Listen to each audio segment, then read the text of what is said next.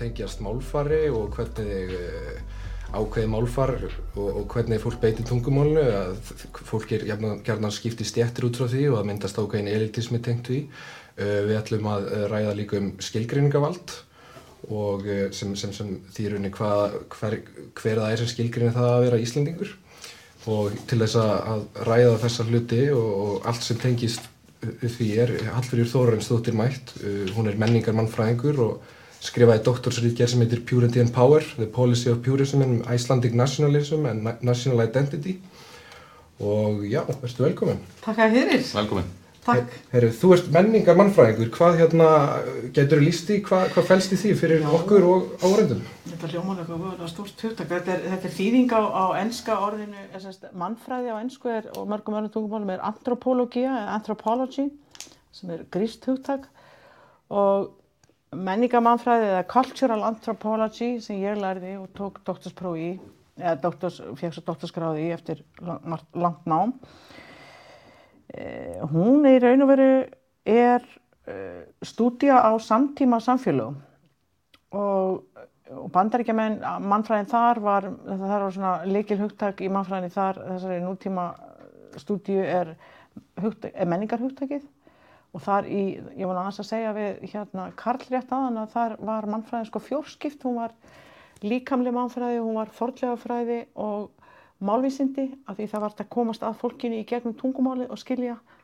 Mm. og, og svo þessi stúdja á, á, á samtíma samfélögum meðan fólklegafræðin var með liðnatíð og, og fysikal líkansmannfræðin var með þróun mannslíkams og svo leiðis þannig ég fór að skoða forföður okkar já, skoða, nei, skoða þróun, þróun prímata yfir í homo sapiens sapiens. Veist, hvernig var svo þróun til og, og hvað var það sem hafði áhrif. Menni ég er, þegar og stúdara hér tók grunna mig hérna, býða hér í Háskóla Íslands og fekk svo rektorstyrk til að fara til bandaríkjana til í skóla í New York Borg sem að heitir The New School for Social Research sem að var, eh, var svona grunnnámsdeild búið að stopna þarna rétt um 1920 og síðan kom það sem þeir kalla graduate faculty eða framhaldsdeild í félagsvísundum og hún er stopnuð, og mjög merkilegt, hún er stopnuð af landflotta gyðingum og sem er að flýja sko ásóknir, gyðingaásóknirnar á fjórða áratögnum og þar á meðal þeirra sem komið þá var uh, kona eins og Hanna Arendt, heimsbyggingur og fleiri og það var allatíð og er ennþann dag í dag svona aðalsmerki skólans að vera mjög róttækur að hafa maxískur mm. þegar ég kem þarna og það var finnst lengi vel engar gráður veittar því það var algjörst auka atriði því það var, það var verið að, að hérna, það var andin, intellektið sem að skipti höfumáli. Þannig að ég kem þarna inn í sko rótækar hugmyndir og, og hrýsta því náttúrulega, svo sem var það alveg áður hérna, ég var mörguleiti mjög vel undirbúin hvað það var það en Svo svona smátt og smátt, ég hafði áhuga á, ég hafði verið hér hjá Gísla Pálssoni mannfræðingi og hann hafði svona hreift við þessum hugmyndum í íslenskuna sem að þótti ákallega róttækt og hann máttu nú þakka fyrir það að halda haus eftir það. Og ég fór sem sagt og tók fullt af svona mál, mál, málvísinda kursum og menningar og menning og málvísindi og, og hérna og svona svo smátt og smátt að þá leittist ég út í þetta verkefni sem að tengdist svo líka, ég var semst, ég veit ekki hvort þið, hversu vel þið eruð að ykkur í sögu eða semst, ég var þeirra gæfa aðnjóttund að vera í læri hjá Erik Hobsbawm, ja. mjög þekktur segfræðingur og var á rannsóknstofa með honum meðal annars og, e, og fleirum róttaklingum og hérna og ég sem sagt fór að velta svo mikið fyrir mér þessari, þessi þjóðverðni af því að við líka komum úr þannig umhverfið sem er svo upptekinn af því að vera Íslandingur og, og, svona, og, og komur úr svo einsleitt, ábúrslega pínulitla uh, samfélagi mm. einsleitt og svo kem ég þetta til New York það sem er, eru tíu miljón manns og öllu ægir saman mm. og fólk allstaðar áður heiminum svart og hvitt og gullt og grænt og blátt og stort og lítið og feitt og mjótt og Gýðinga, þetta er stærsta gýðingabyggi heimi fyrir utan Ísrael og rosalega vitt í því samfélagi. Mm. alveg frá því að vera ofsalega róttækt. Það eru mestu róttæklingar í bandaríkjánum eru yfirlt úr samfélagi gýðinga og yfir í algjört afturhald með stóru stöðum. Mm. þú veist það er alveg bara allur skalin og, og svo eru náttúrulega alls konar kristnisöfnir og það eru muslimar og Nation of Islam og allt þetta sem þið þekkju öruglega úr tengslu við Malcolm X og Já. allt það. Þannig að, og svartir og hvítir og þannig ég var í þessum söðu potti. Og sem var alltaf alveg ofbáslega frjótt og skemmtilegt og dýnamist umhverfi og, og hérna og þarna er ég náttúrulega að koma inn og það ræðir svolítið svona aðdraðan þessu vegna þess að það ræðir eiginlega svolítið sko því sem ég er að stúdira svo hérna. Vegna þess að þetta er á, ég kem hérna 86 og er sem sagt klára svo master og fer svo í þetta doktorsnám og, og taðist nú og svona allavega en það sem er að gerast þá í, í bandarísku samfélagi er það að þá eru komnar fram alveg allar þessar reyfingar, þessar frelsisreyfingar, eh, maður getur orðið það sem svo, þá lengur komið fram þarna borgarreitnda bara svartra á, á, hvað heitir það, sjöndi áratúrin, 60s Já. og svo áfram hvernig baratan og barata samkynneira og svo framvegis. Og samílegt það sem allt, allar þessi hópa voru að- að berjast fyrir var hérna, við erum hér, við viljum líka fá að taka þátt í ákvörðunum, pólitískum ákvörðunum sem varða okkar líf. Við viljum hafa rödd og það að sem sagt, hrista algjörlega upp í öllum, öllum viðteknu valdi. Þannig að valdi verður kons, eða, sagt, svo miðlagt í allir í fræðilegri umræðu í mannfræðin ástæð. Það er verið að gera upp við hérna, kolonialisman og það er verið að tala um postkolonialisma og það er verið að tala um alls konar undirokaða hópa og, og hlutdeild sko, stóru nýlenduveldana því mannfræðin er að mörguleiti afsprengi nýlendustefnar. Hún er svona eiginlega verður til í tengslu við hana. Þannig að það var rosalega gerjun á þessu leiti og ég svona smátt og smátt leiðist út í það að fara að skoða já, heyrðu þetta er ekki allt svona opsalega, ég stóð bara í þeirri meiningu að Íslandingar hefði bara alltaf verið svona, svona Íslandingar sem hefur voru þeirra, þú veist, og svo fór ég bara, fór, fór ég að læra eitthvað allt annað og lesa allt annað að það þarf hérna að móta fólk. Það, þú, við, við fáum hugmyndir okkar um það hver við erum ekki úr lausu lofti. Það er ekki eitthvað sem við fæðumstu með heldur erum við mótið af því umhverju sem við búum í. Já, og þá er spurningin hver, hvaða öfl eru það sem móta þessar hugmyndir og hvaða rattir tala hæst já. og hverjir fá að komast af Mm. Þannig að það, fyrir þig að fara út það er kannski, uh, þú kannski sé hlutin þá meira í samingi og það er kannski gert að verkum og fórst eitthvað að pæla í þessum hlutum meira. Já, ég, ég held alveg öruglega vegna þess að þar var líka búin að eiga sér svo, stað, svo mikil gerjun og bara uppbrot, ef maður getur talað um það. Veist, allir þessir hópar sem að voru í eilíðar baráttu. Ég meni, ég man eftir því til þess bara í New York þegar hommarnir voru að fara í katholsku domkirkjuna og á, í messum á sunnudum og var allt eililega kastað út skiljið, það er eh, hérna og, og, og svo þegar fyrsti svarti borgarstjórun í New York hann marseraði með hérna homum og lesbíum á, á miklum hátíðstegi í borginni sem heitir Sankti Patricksdagurinn og er eh, ættaði frá Írlandi 17. mars. Og þeir fara, sko fólk lappa svona undir svona bannerum eða borðum. Og það var rosast mikið statement vegna þess að katholikar viðkendu ekki sko samkynnið á þessum tíma. Og þannig það var allstaðar verið að brjóta upp og, og banka og berja og, og spyrja spurninga um valdi þannig að ég fór að spá svo mikið í þetta og fer að skoða allar þessar hugmyndir sem að nýstaflegu hugmyndir sem eru að koma fram á þessum tíma. Hugmyndir Bourdieu, Pierre Bourdieu félagsræðingur um, um valdið um, um hérna, já, um líka það sem hann talaði um kapital symbolic capital og, og cultural capital og allt þetta sem að þess, hvernig fólk býr yfir ákveðnu svona kapitali Það eru áhugaverðar hugmyndir. af ofsalega skemmtilegar hugmyndir og líka annar fransku heimsbyggingur sem heitir eða hét, hann er dáinn. Hann var í mitt homi, hann hét Michel Foucault og skrifaði mikið um valdið. Já. og hverjir hefur vald og hver, sem sagt, og þannig ég hrýfst af öllum þessum hugmyndum og svona marxískum hugmyndum líka um það að sko, sem það sem ég er að fást við þetta vald. Og, og hérna ég ætla að opna hérna þessa ríkjur mína svo langt sem ég hef skoðað hana. Já, en, en hérna ég fer að skoða það sem að svona verður mjög fljótlega á vegi mínu varandi Íslands þjóðverðni. Ég fór að velta fyrir mig hvernig verður Íslands þjóðverðni til? Hvað fer í þá uppskrift? þessi hugmynd okkar um, um hver við erum Já. og hvað við erum og, Já. og það er ekkert eitthvað bara svona hipsum hapsum það er alveg, það er alveg, sko það er bara kerfisbundin hérna, Já, svona konstruksjón Já, einmitt, Já. einmitt, já. og þeir allir sem sagt allt félagsvísta fólk sem er að pæla í þessu sakfræðinga og talað um the construction of the nation veist, og í mörgum að því að í raun og veru það sem gerist á 19. öldinni þegar að, að hérna, þjóðríki kemur fram hugmyndir um nation state eða þjóðríki að þá þurfti að fara að skilgreina þetta hvað var þjóð hvað er þjóð já. þegar að konungar ríktu hér áður fyrr þá þeir, þá var konungsríki og svo voru þegnar í ríkinu.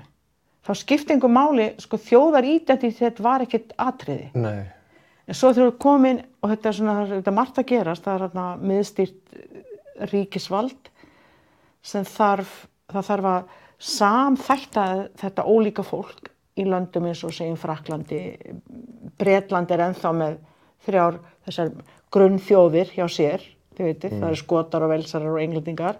Englendingar deila og drottna þjóðverjar eru, eru sem sagt, það voru svona borg, alls konar hérna, prinsadæmi og fyrstadæmi og já, já, það var algjörlega, Ítalía, borgríki og allt þetta og er, þessar þjóðir eru búnar þannig til og svo erum við náttúrulega partur af þessu danska konusríki og, og allt í einu þegar að þjóðríki er komið fram, þegar Danmörk verið þjóðríki þarna einhvern tíman á miðri 19. öld að þá átti bara Íslendingar að vera svona einhvers konar etnískur hópur inn í danska þjóðríkinu það, þá, mót, þá mótmælt þá mótmælt allir, við erum mótmælum allir Já. þeir vildu það ekki Nei, viltu vera sér og þá, kemur, þá, og þá er akkur komin fram á sjónasið þessi hugmynd um að, að tungumál skipi fólki þjóðir mm. og það er hugmyndafræði sem að íslenskir intellektualar taka í sína, gera sínum og keira áfram að miklu offorsi allan setni hluta 19. aldar, svona síðustu áratugina og alveg fram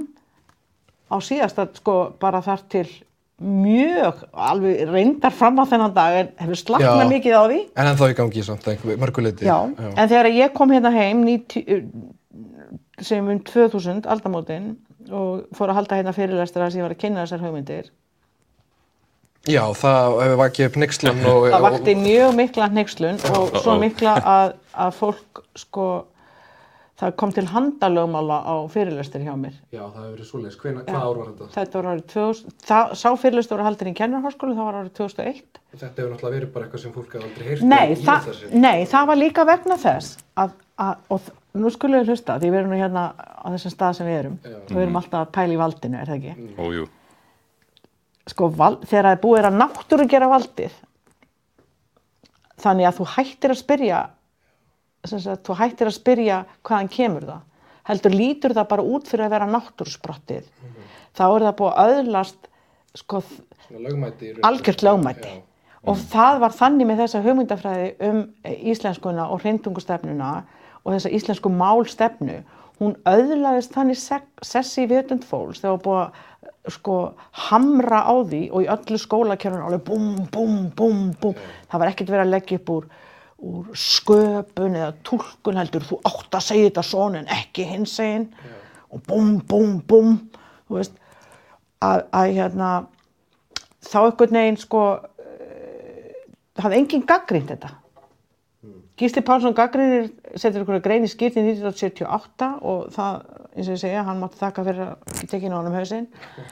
Ég kem hérna 20 og eitthvað árum síðar og þá var ennþá svona og mér hefur verið sagt það af mjög mörgu fólki að eftir að ég setti mínar hugmyndir fram að þá fór í raun að vera slakna, veist, að því fólk fór svona smátt og smátt, ekki að ég hafi átt þátt í því, heldur, sem sagt, það var stífnin, það slaknaði á stífninni. Já.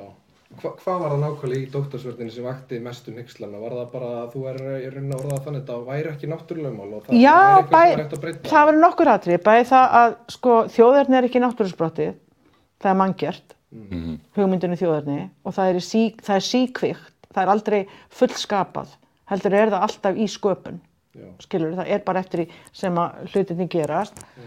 Nú, eh, hver hefur valdið þarna, hvaða, hvaða öfl er það í samfélaginu sem fá sko hérna hvað heitir það, svona legitimate, sem fá svona, svona Valdið að umbóðu til þess að veit- til þess að, já, tala og allt það.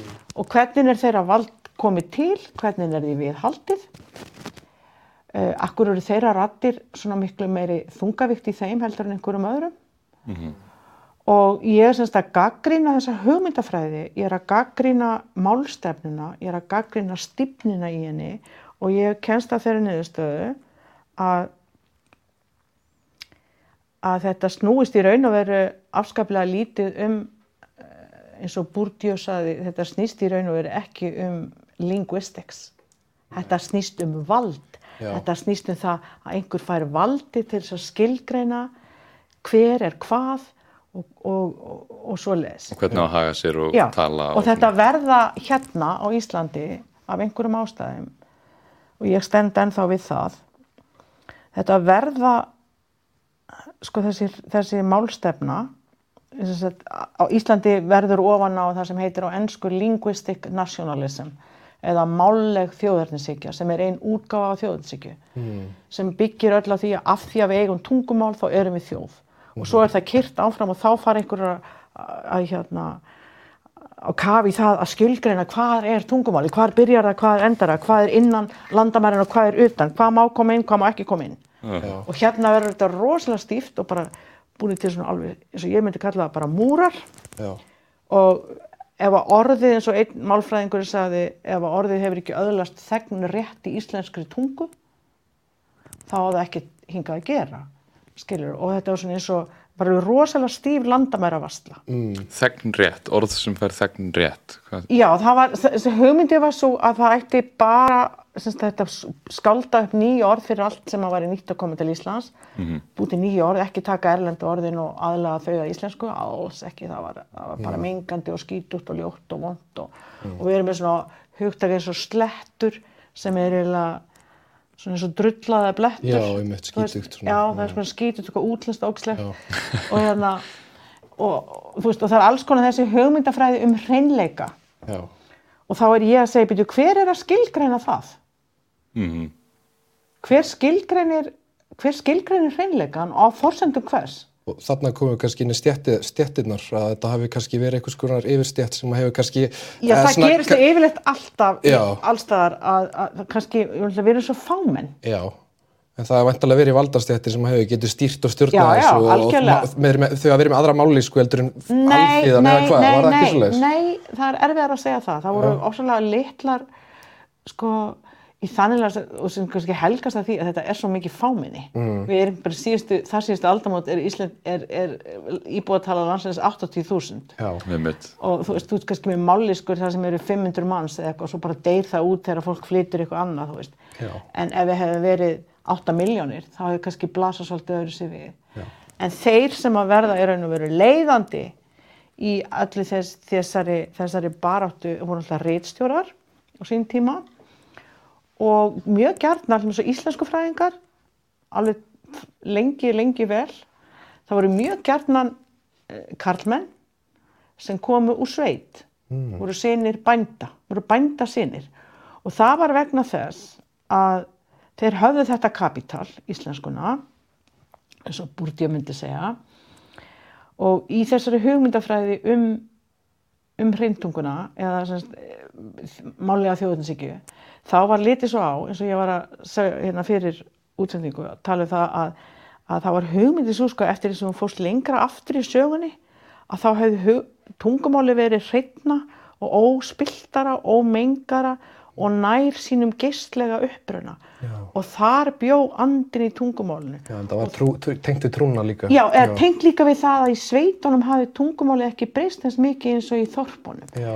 Þannig að í raun og veru það er alveg stúdía sem að ég held að væri rosalega spennandi að gera, þó ég ætla ekki að gera það, og það er að skoða úr hvaða félagslega bakgrunni komu þeir sem að leittu þetta Átaka verkefni. já, bara, já, bara alla, all síðustu sko, 100 ár pluss.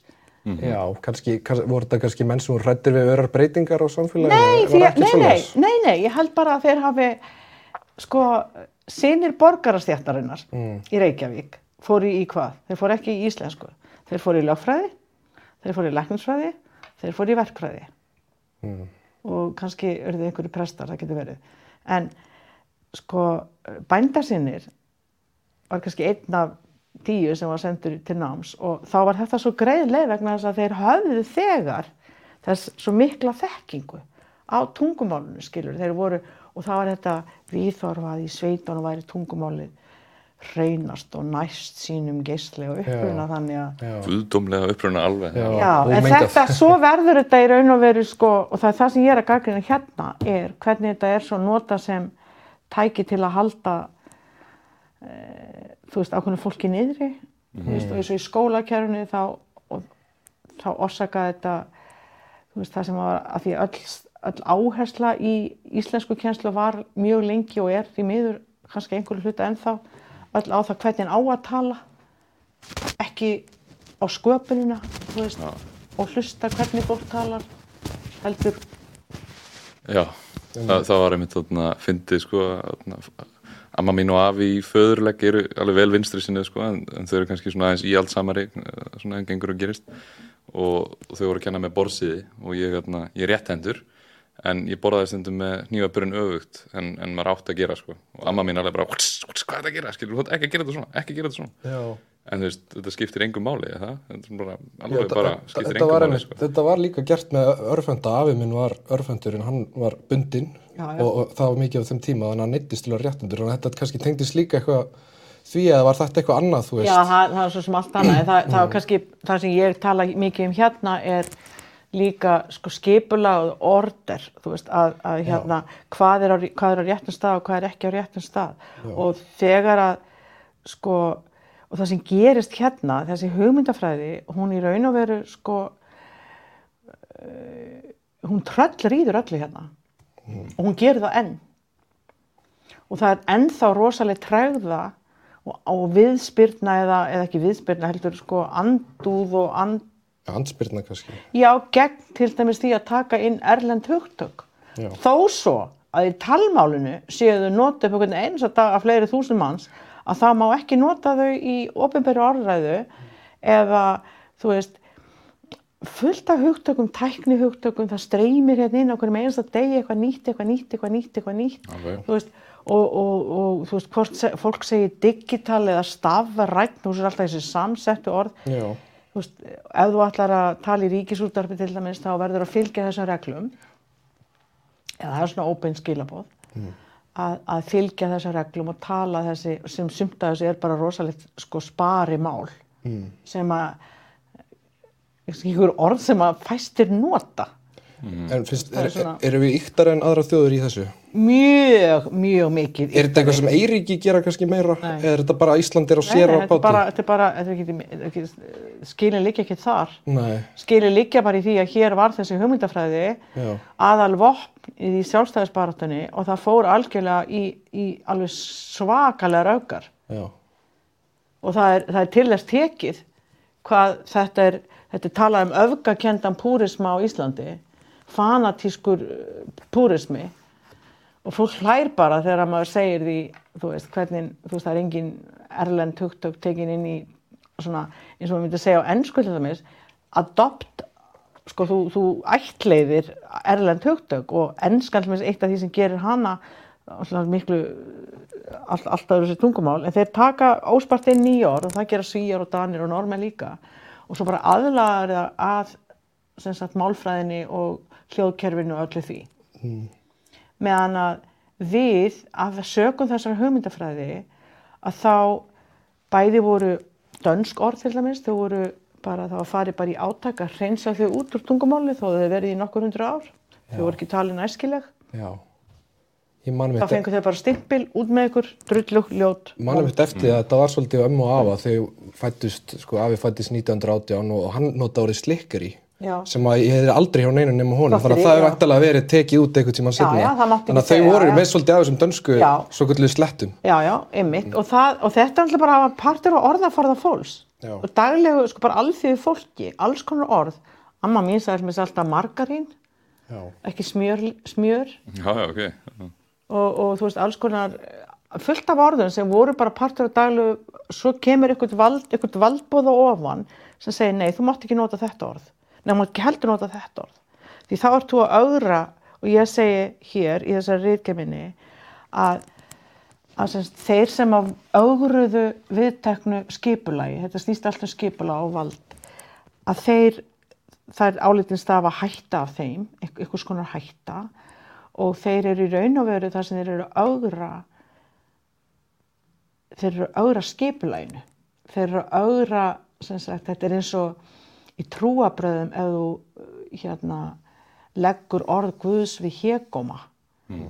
skilur, það er svolítið þar að, að nota slettur og svona er að þá raskaru stöðuleikanum kannski. Já, þú raskar sagt, þú, þú, það kemst í uppnám. Þetta vanvirða. Já, þetta vanvirða skipulega þetta vanvirða og þar með sagði ég þá, þá er þetta vanvirða valdið. Það er ekkert náttúrusbrotti við það hvernig tungum ekki þess, hvort við tökum inn hvort við tölum um slikkir í og gottir í og, og eitthvað. Það er ekki veist, það er ekki náttúrulegumál sem stýra því. Nei. akkurat engin hmm. En þetta er tól sem er, hefur mjög mikil völd og, hérna, kemur jafnvel í vekk fyrir að fólk nái einhvers konar svona status eða stöðu já, já. innan í, til dæmis pólitískar umræði eitthvað svolítið, það er bara skotir hratt niður ef það beitir ekki málfærinu 100%. Já, það var til dæmis hérna Bubi Mortens, já. hann til dæmis, það var hérna íslensku bókmyndafræðing sem tók að sér að, að leiðir eitt að Bubba. Af því hann talaði svo vittlaust og, og þú veist, og það er þessi og það sem ég hef verið að segja núna því núna hef ég verið ég, semst, í rannsóknum og inflytendum á Íslandi og er í svona milli, í svona að kenna alls konar um, um hérna, markmenningu og millimenningali samskipt og allt það að þessar hugmyndir fara ásæðilega illa saman. Að tala annars vegar um eitthvað svona vera opinga hvort menningarlegu markbreytileika og bla bla bla en hafa engan tolerans fyrir smá fráviki frá því hvernig ná að tala Já, maður veldi fyrir sér að það hlýtur nú að vera erfi, mjög erfitt fyrir fólk að eldum uppruna þá að komast inn í þetta samfélag og þjóðfélag erfiðareldur í mörgum öðrum löndum er mitt út af þessu kannski að það er við... Út af stýpninni, ekki held ég út af sko, já. Já og það sko reyndar er það mjög sérkjæðilegt hvað er verið að gerast hérna undanfarnar áratí eða 10-20 ár. Það er ekkit undarlegt það er ekkit undarlegt það að ymlindur hafa komið hérna það verið orðið 85% fjölkun á ymlindum síðan aldamótin síðustu. Þeir eru núna upp undir 70.000 manns. Og það er mjög gjarnan sem að enska er samskiptamál eða linga franka eins og það heitir á öllum öðrum tungumáli það er eitthvað samskiptamál á milli hópa sem tala sikkort tungumáli skilur hvoru þessara hópa eða hvoru hvorki sem segjum bara eins og sko rúmenar eða pólverar eitthvað þeir eigi ekki enska mólumáli þeir eru að tala framönda tungumál og sömulegis við. En við hittum svo þarna í að tala þetta tungumál. Og þá má spyrja sig líka þannig að í raun og veru skömmaði hvaða litli peningar settir í íslensku kjænslu ef að við ætlum okkur að taka þetta fólk inn í samfélagið. Íslandingar bregða mjög gætna fyrir sig að tala ennsku þetta fólk. Alla, semst, og það getur verið bæði brú og hindrun. Þú getur verið brú þegar þú skilur ekki neitt en það getur líka verið til þess að halda fólki fyrir utan. Já, mitt, já.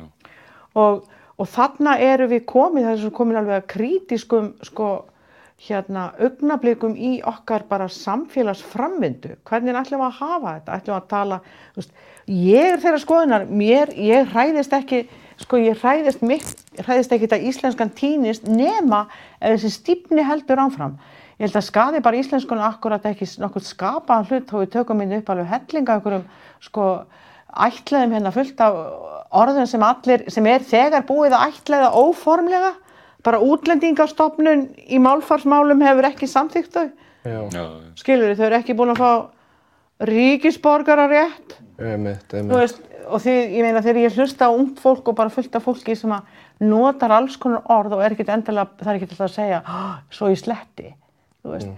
og ég veit ekki sko mér finnst það bara í sjálf sér bara eðlilega, það er bara eðlilega þróun tungumálsins já Mér lókaði um þetta í aðeins áðan með, með nývapörun sko að, að þó að ég væri að snúa nývapörunum ránt sem er svona samkvæmt skilgrinningunum er það ekki nóg flott en færni mín er alveg eins í að mhm. borða og er það ekki eins einmitt oft með tunguna þú ert kannski með fólk, ungt fólk eins og við sem að hefur ákveðna þekkingu og getur komið hlutunum frá sér á ákveðin veg en það kannski passar ekki alveg inn í þarna, ramman frá málvísinda já, já, elitunni já, fr- já, frá fyrir, já, frá því þessar, það passar ekki inn í þessa hugmyndafræði mm. já. og þá er ekki tekið mark á fólki kannski Nei, já, það er hættan og það er náttúrulega, og það, ég kom einmitt mjög mikið inn á það og það er hérna menn eins og, eins og Bourdieu, Pierre Bourdieu, hann laði mikla áherslu á þetta, hann sagði, sko, þú færð autoritet, Mm.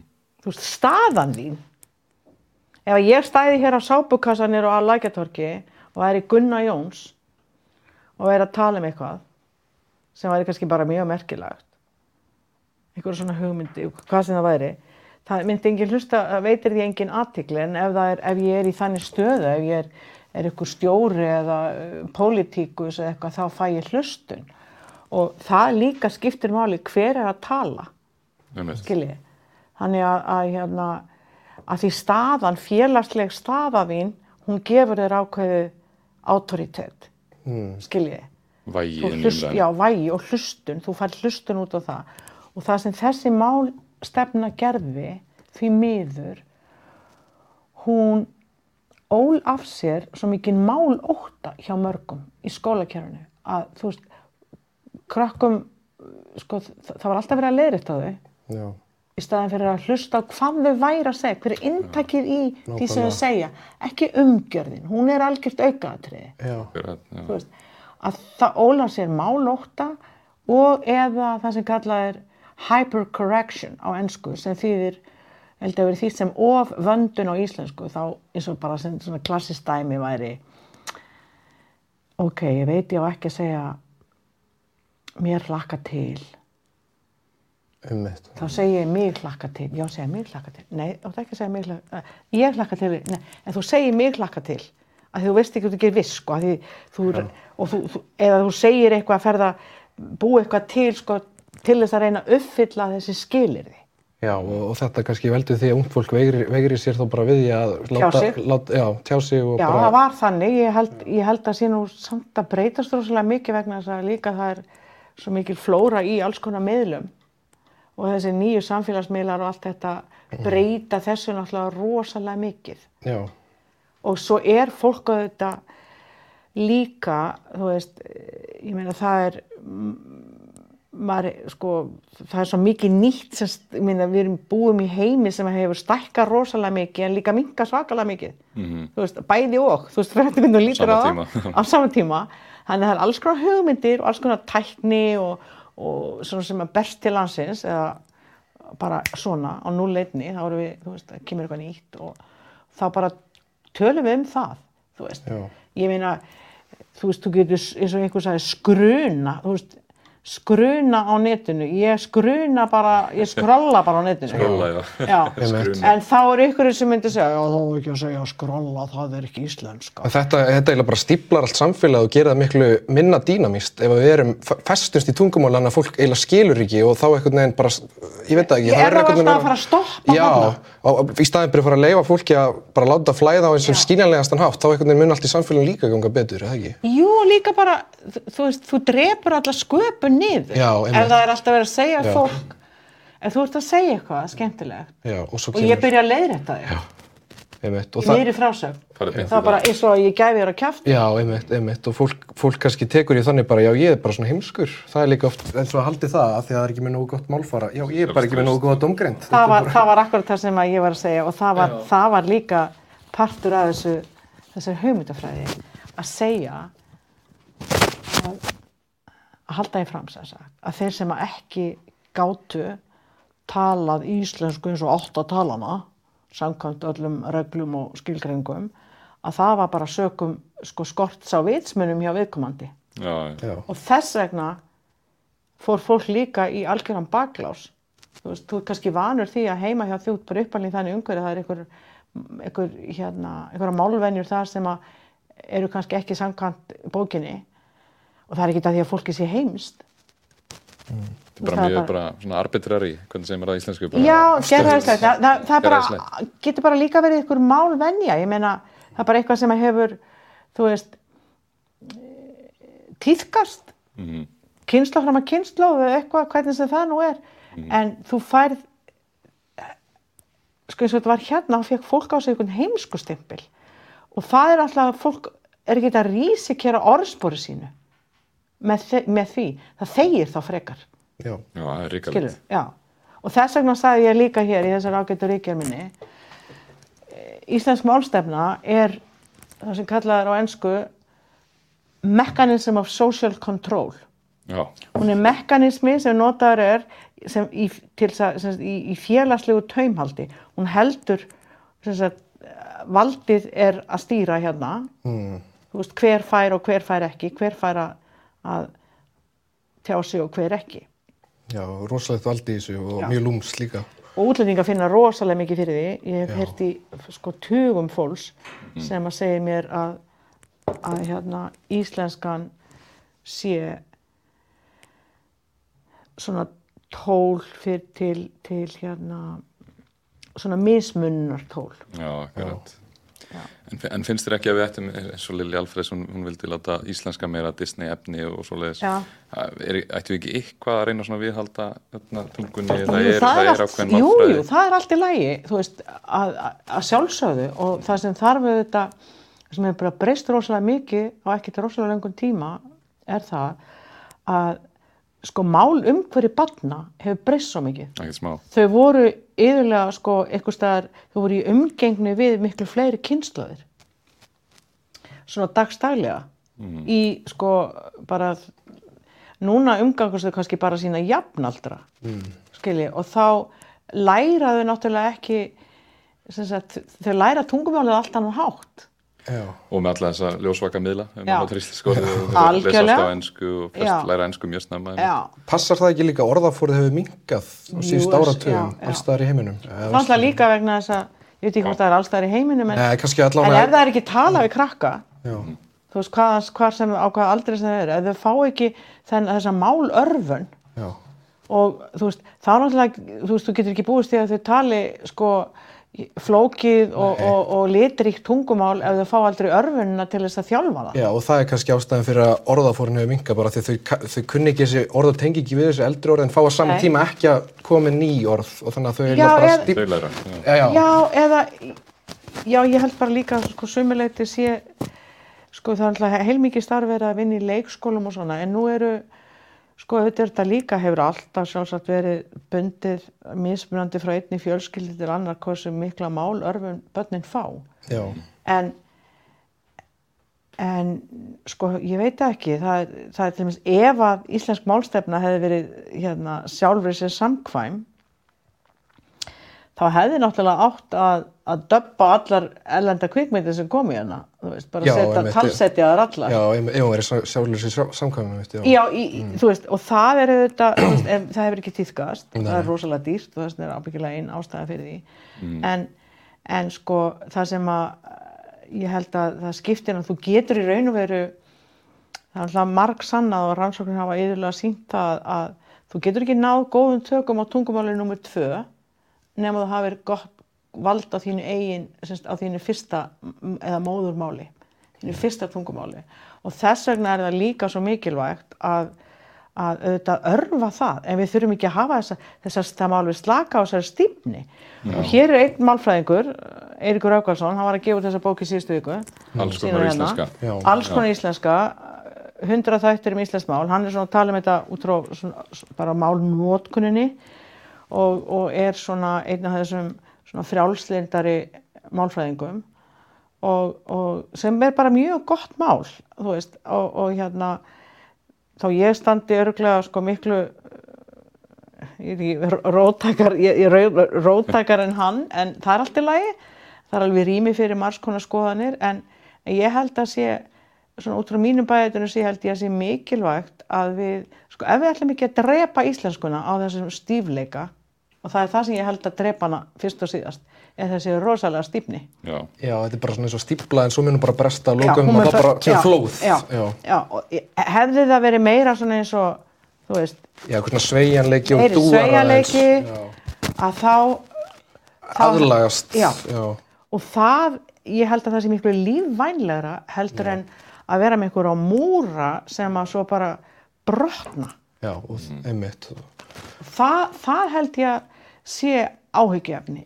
Miklu vera, vera sveigjanleg og taka bara inn, hérna, ætluðum bara alls konar hugtök og Já. ég skrolla og, brása og, og alls konar, þú veist, eh, nota líka hugtök, íslenskan er ofbúslega fátæk af abstrakt hugtökum, einfallega vegna þess að hún er mál bænda og sjómanna. Fyrst og síðast. Og hér er engin háskóli stofnaður og engin sko svona eh, vitsmjölalega heimsbyggilegar sko orðræða í gangi fyrir en á 20. öld í raun og veru almennileg. Og þá er komin inn að háskóli og þá er þessi reyndungustefna komin og þá er farið að búa til alls konar orð. Og það er mjög oft erfitt í mörgum fræðigreinum að, og það er líka þarna ákveðin tvíhyggja sko, eða, eða hérna ekki tvíhyggja, heitir það það, svona double standard, Já. já að við erum það er allt námsefni í Háskóla Íslands meira og minni í öllum greinum á ennsku algjörlega. Akkurat. og það er rosalega erfitt auðvitað, við getum ekki haft, við hefum ekki róðið það að fara að þýða allar þessar námsbækur. En að nota ekki þá hugtökin Já, af hverju er þá ekki á sama tíma myndi verið að sína sveigjanleika fyrst að þá að læra hér eru ensku? menn að ba basla við það að þýða, sko svo komið upp og í, í félagsvístum, það komið kannski upp tíu þýðingar á einu hugtaki Já. og svo rífast menn ekki um inntaki sem að, ekki um efnið heldur en það hvernig einhver þýtti eitthvað tiltekið hugtak. Til tímasúinu mitt, það er, er rosalega tímasón. já, Það er með því ég svona að hugsa að, að litli bróða minn hann er fættir 2003 og, og alltaf verið náttúrulega með interneti sér við hendi og svona. Og hann ennþá þann dag í dag svona fallbeir stundum ránt og, og með svona ímis, þú veist vandræði getur maður sagt miða við svona hreina íslenska tungu hreina íslenska tungu. Þannig að ég, þegar maður, ef, við- ef við eigum ættingja eða börn sem eru kannski að beita mállískunni aðeins ránt og þá er kannski mikið veit að, að þegar við, ef við leiðir þau að, að samt ekki missa marks á því sem þau eru að segja í rauninni. Nei, bara að segja, já, það er þetta, leiðbenna fólki og börnum, auðvitað, það er líka skiptur auðvitað máli, ég er ekki að mælast til þess að þau, hérna, að það með ekki leiðrétt að krakka, en, en það fer eftir í hvernig það er gert. Nákvæmlega já. og það er líka, sko, eh, það er það sem skiptir máli, því líka vegna þess, ef að hugmyndafræðin, og það er svo sem annar staðar líka, að það er allstaðar ávinningur að vera vel máli farin og geta talað og haft sko gott vald á tungumálinu en hvort ég má segja nota ykkur erlend hugtök eða, eða þó að ég nota ekki eins og hann er að tala um hérna einhverjar á ég að nota þessa fórsetningunni er þetta rétt eða rangt? Og hann segir alltaf, hvað segir Eiríkur? Eða hvað, sagt var flokkurinn sigraði kostningarnar rétt væri, flokkurinn sigraði kostningunum eða hvað? Segir hann. Og, bara, og það er bara mjög mikil hérna alveg, hann brýtur alveg blað hérna með því að vera að spyrja því áður fyrir hefði það bara verið búm, það er bara eitt rétt. svona, já. Og, og ef, við, ef við ætlum að, eins og ég segi, í liðræði samfélagi sem er orðið margbre samfélag margbreytileikans, hér er komið fólk allstæðar að, það er alls konar uh, íslenskur að, að poppa upp, veist, afbreyða af íslensku með öðruvísi áherslum og, og allt það. Að þá verðum við að hafa umburðalindi fyrir því. Og við höfum það ekki ef við rí og höldum í þessa stífni Þannig að hvað þyrfti þá að gerast þannig við innum, ofan þessu? Þyrfti stjórnvöld þá að fara í eitthvað vist svona, kannski slappa aðeins af, þú veist, bara á þessum Já, ég held að sé og stolt, mentastofnarinnar og, og, og líka samfélagi við öll kannski að hérna bara aðeins að, þú veist, chilla. Já, ég held að það sé nú alveg komið sko að mörgu leiti og þó, ég, ég ger mér svo sem ég get alveg grein fyrir því, en það verður alltaf eitthvað formlegt málsnið sem að er, þú veist, það eru til alls konar málsnið sem kalluð er, en þú veist, það er bara eins og í öllum tungumálum, til eitthvað formlegt tungumál sko. Og, og hérna, en það er að hafa sko, það er ekki að setja þetta í eitthvað hýrarki og segja að ein, eitt málabriði sé lakar en eitthvað annað.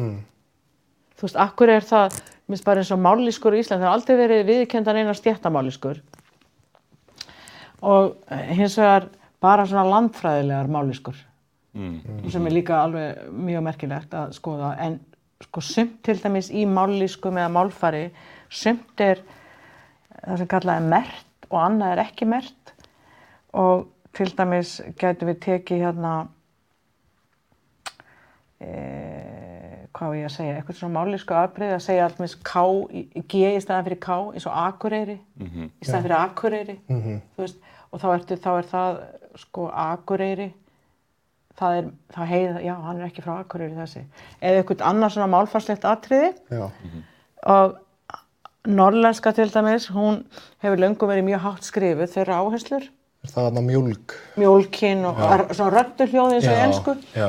eins og þú segir, en þú ætlar að læra góða ensku þá er mjög gott að læra, æfa sig á norlensku fyrst. Af því þá nærðu réttum frambrið en, en svo komu önnur svona málabriði eins og hérna á Suðunisjum og hér í Reykjavík þar sögðu margir fólk sagðist ekki vera frá Reykjavík það voru bara fólk sem kom út á landi sem fluttinga og sagðist vera frá Reykjavík mm. þeir sem eru fættir og uppaldir í Reykjavík hérna áður, áður fyrir svona fólk sem er komið orðið gamalt núna það myndi ekki hafa sagt að það sagði Reykjavík Já, já, maður kannast við þetta Reykjavík. Keflavík, Njarðvík ekki Njarðvík, Keflavík, Grindavík. Þetta, þetta heitir alls staðar annars staðar hljóðfall en hér á Íslandi þá, þá var þetta kallað latmæli sem er mjög svona gildislega hugtak. Mjög svo. Þú veist, þannig að það var verið að setja sko málafbreyði í svona hýrarki sem voru fínni og hafðu meiri virðingu. Þetta gerist alls, í öllu löndum mist mikið en sko það sem við gertum í bandaríkjanum að því vorum að tala þessum þau áður og varandi sko málfar svartra Já. það var lengi mitt stigma. Þeir voru brennimerti fyrir það hvernig voru töluðu. Og það fer alltaf saman að sagt, viðurkenninga málfari fólks helst í hendur við viður, félagslega viðurkenningu á hópnum.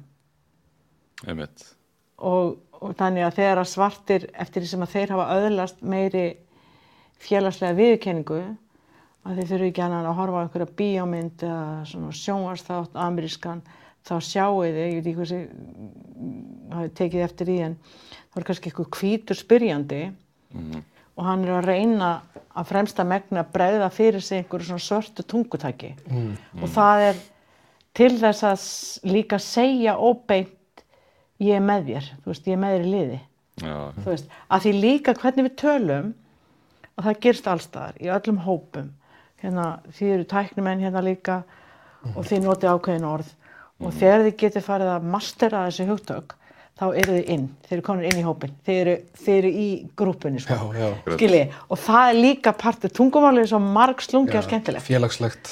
algjörlega félagslegt, þú veist að þú einhvern veginn stimplar þig inn Já. þú heyrir Þú ert með lingóið, sko. þú ert með lingoð á hreinu og það er ofsalega mikils virði vegna þess að þetta er svona eins og bara já, nú er ég orðin gjaldgengur, nú er ég alveg komin inn í hópin. komin inn í hópin sko. Við vorum með hérna bíókvöld ungir sósalistar fyrir nokkrum vikum og við horfum á, marstu, hvað myndin hétt treysti sem við horfum á? Nei, ég manna það ekki. Nei, ok. Nei, það, það sagt- Nei, þetta var hérna bandarísk mynd og þetta var svona ekki raunveruleikin okkar, þetta var ykkur önnu vitt sem svona líkur raunveruleika okkar Já. en það var svartur maður í bandaríkjanum og hann var atvinnulegs og, og þetta er mikið harðari heimur en okkar að kapitalismin er mun veist, valdbeiting kapitalismin Sorry to bother you.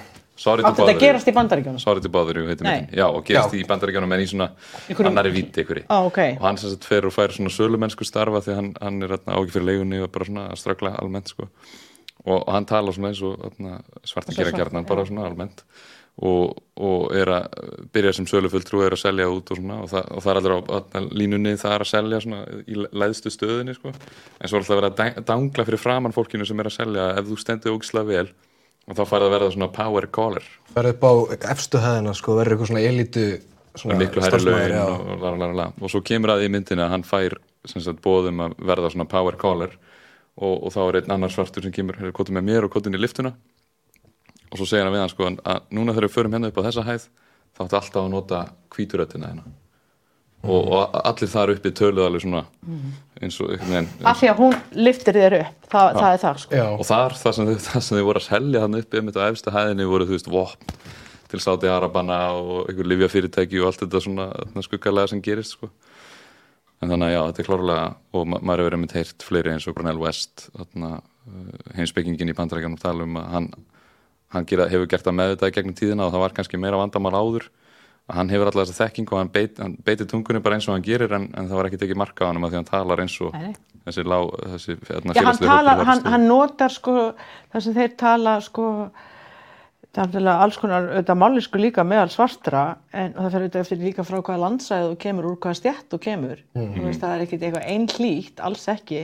Ég umgengst mjög mikið svart fólk í bjói í New York á daglegum basis, mjög mikið og uh, það er, það er ákveðið tungutak og það er líka bara svona ákveðið málfræði atriði sem, sem eru öðru síðan þeim og, en það er partur líka, sko þeir geta alveg bröðið fyrir sig hvítri ensku mm. veist, en, en það er líka partur þegar út að, þú veist að tala við þitt fólk, þá talar það, það tungumál eða það tungumál afbrið, eða afbrið tungumál sem, sem að hópurinn sem, sem sem er tungutak hópsins og, og þú veist Svona eðlislegt já, orðið já, veginn. já. Mhm. Er, já, það er líka bara, það er bara með fullri vitund, sko, ef þú ert, í, ef þú ert að valsa á milli þessara heima, Mhm. þú veist, ert að vinna kannski og, og að þá, þá svissar yfir og við gerum það öll, við erum alltaf að svissa.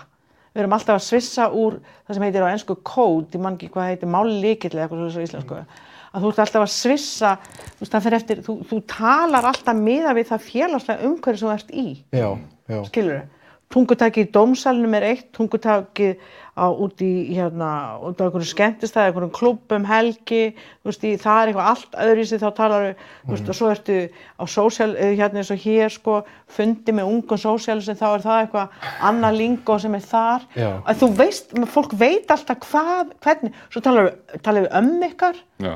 og þá, þú veist, ertu ekki að tala eins og þú talar, þú veist, þú ert að fór út að skemmta þér Nei, nákvæmlega. þú veist, að þú veist að amma myndi ekki skilja þig Nei, og þú veist, þannig við, erum alveg með á nótunum og þetta er einhverja sem gerir líka tungumælu rosalega skemmtilegt að við getum og líka þetta, hvaða hóp er ég með núna, nú tal, nú, og maður veit alltaf hvað, hvaða maður, hvað maður á að segja veist, hvað orð maður á að nota. En fyrst oft er maður svona Já, að þreyfa fyrir sér og þú veist, er ekki alveg viss. Já.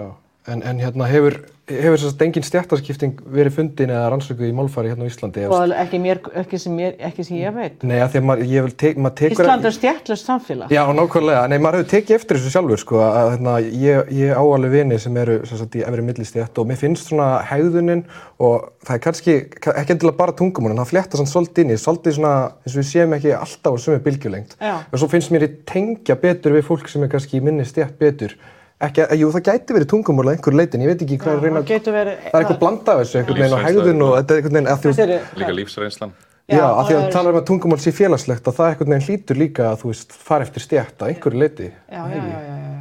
það fer það að sjálfsögðu en, það, en sko og það er akkurat þessi líka þessi hugmyndafræði hérna altså þjóðnisleg mál, altså málega þjóðsíkja þá er gengið út frá því að þjóðin þjóðin sé heild. Allir í þjóðinni hafa sömu hagsmuna að gæta. Það eru allir jafnir. Það eru engar stjættamáliskur í íslensku.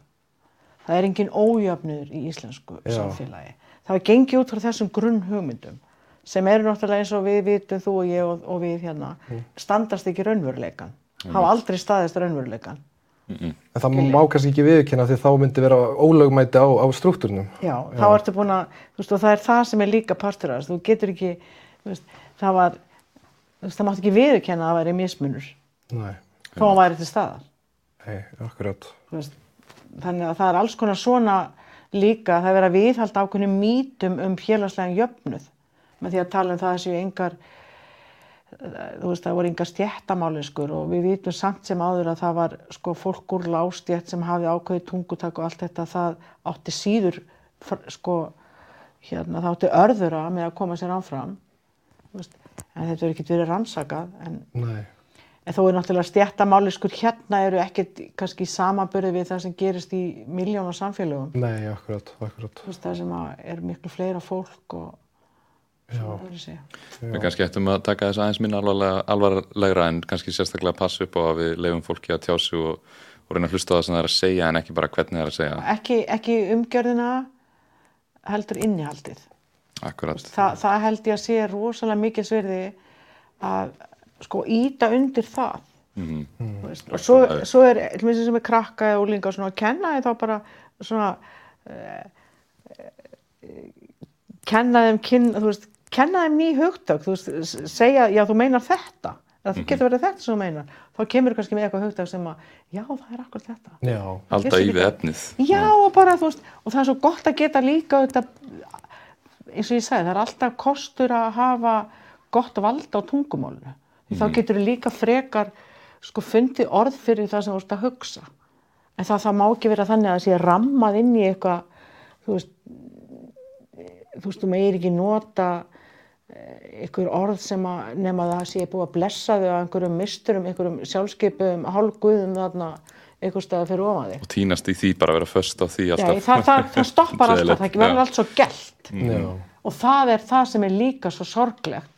Ef að, ég veit ekki hvað ég fór að marga, fara að marga fyrirlestur í Háskóla Íslands þar sem að einhver fyrirlestur er búin að undirbúa sig mjög vel og kynir eitthvað efni.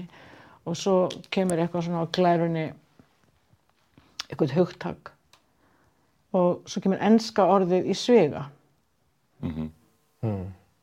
hann notar eitthvað íslensk, hann eða hún notar eitthvað íslensk hugtak sem er bara mjög framandi og enginn í salnum skilur nema kannski þrýr og svo byrjaði þær að segja Herru Guðmundur já ég sé að þú, þú hérna þýðir þarna enska hugtakið svo kemur eitthvað ég, það færi nú miklu betur á því að þú þýttir það með eins og hann gerðan Jón svo fyrir all umræðin að snúast um það já, skiljið Já, og það og þá hugsa maður býtu hva, hvaða tilgangi þjónar það? Akkurat. Það er skrítin tilgangur já það er hlust bara eins og hugtakið gender Mm. á ennsku, gender skrifað. Það heitir, það var, það var láðust yfir það einhverju sérfræðingar og fundu upp íslenska orð fyrir það, vitið hvað það er? Nei. Maður hefði haldið kyn, en hvað? Nei, nei, því sex Sex er kynið já, mitt, líffræðilegt, sex er líffræðilegt kyn Já, og svo er gender félagsfræðilegt, er það ekki? gender er félagslegt kyn Já. stæðan fyrir að kalla þetta bara félagslegt kyn Já, þá var þetta kallað kyngerfi sem að enginn notar. sem ekki nokkur kjaftur notar Nei, nei, einmitt. og akkur mátti ekki tala um akkur þurfti að eyða einhverjum rosalegum tíma og vangaveltum í það að þýða enska sjúkdóma hugtakið AIDS Já. sem stendur fyrir Acquired Immunity Deficiency Syndrome. Og er bara alþjóðlegt hugtak. Nei, nei, nei, hér þurfti að eyða, sko menn voru ekkert að reyna að finna upp hérna lækninguna við AIDS heldur, eða að kalla þetta auðni eða alnæmi. Einmitt, einmitt. Þú veist, Já, og þá fór allt púðrið í það. Þið skiljið hvað ég er að reyna að segja. Já. Sko. að þarna, þú veist, við getum eitt púðrun í að tala frekar um AIDS og hvað það, hver, þú veist, e- eins og þetta var hérna á sín tíma. Nú kjáumst við sjúkdómin Já. félagslega og hvernig við getum læknað hann. Já, já, já, það máttu ekki segja hommi. Mhm. að það var svo Einmitt. já, akkurat. þú veist, þetta, er, þetta var eitthvað svona rugg og, og þegar að líka valdbóði kemur ofanfrá til eins og minnhlutahópa eins og segjum bara eins og samkynnið fólk það ákveður hvað að láta kalla sig. Ekki ykkur kall föskur sem að þykist hafa ykkur hérna ofur vita því hvað, hvað á að kalla hlutina. Af því hann er í ykkur stöðu í Háskóla Íslands eða ykkur um háskóla hann hafa ykkur vald til að segja nei þú ert þú mátt ekki kalla þig homma það er samræmist ekki íslenskri málfræði bla bla bla eitthvað. Akkurat. í staðin fyrir að segja herðu þetta er partur af þeirra frelsisbaróttu réttindabaróttu og þau og það er bara þeim, það er bara grundvallan regla að fólk á að fá að kalla sig það sem það vill Mm, akkurat. þú veist Já, já. Nákvæmlega. Hérna, við uh, erum að ljúka þættirinn núna, en það búið að mjög margt sem við höfum hérna farið yfir og kannski tölum við aftur setna, það er svo margt eftir. Áhugavert út Já, rosalega. kannski meira að maður gerir sig grein fyrir svona Já. þetta stælega Já, Hallfríður, takk fyrir komuna. já þakka ykkur sömu leiðis Takk og, hérlega og við hérna á, uh, í Rauðum Reynveruleika minnum uh, gesti á að það er að styrkja alþýðu félagið til þess að uh, hjálpa dagskrálgerð hérna á samstöðinu og, mæli með því að fólk geri en takk fyrir bili og hafa það gott.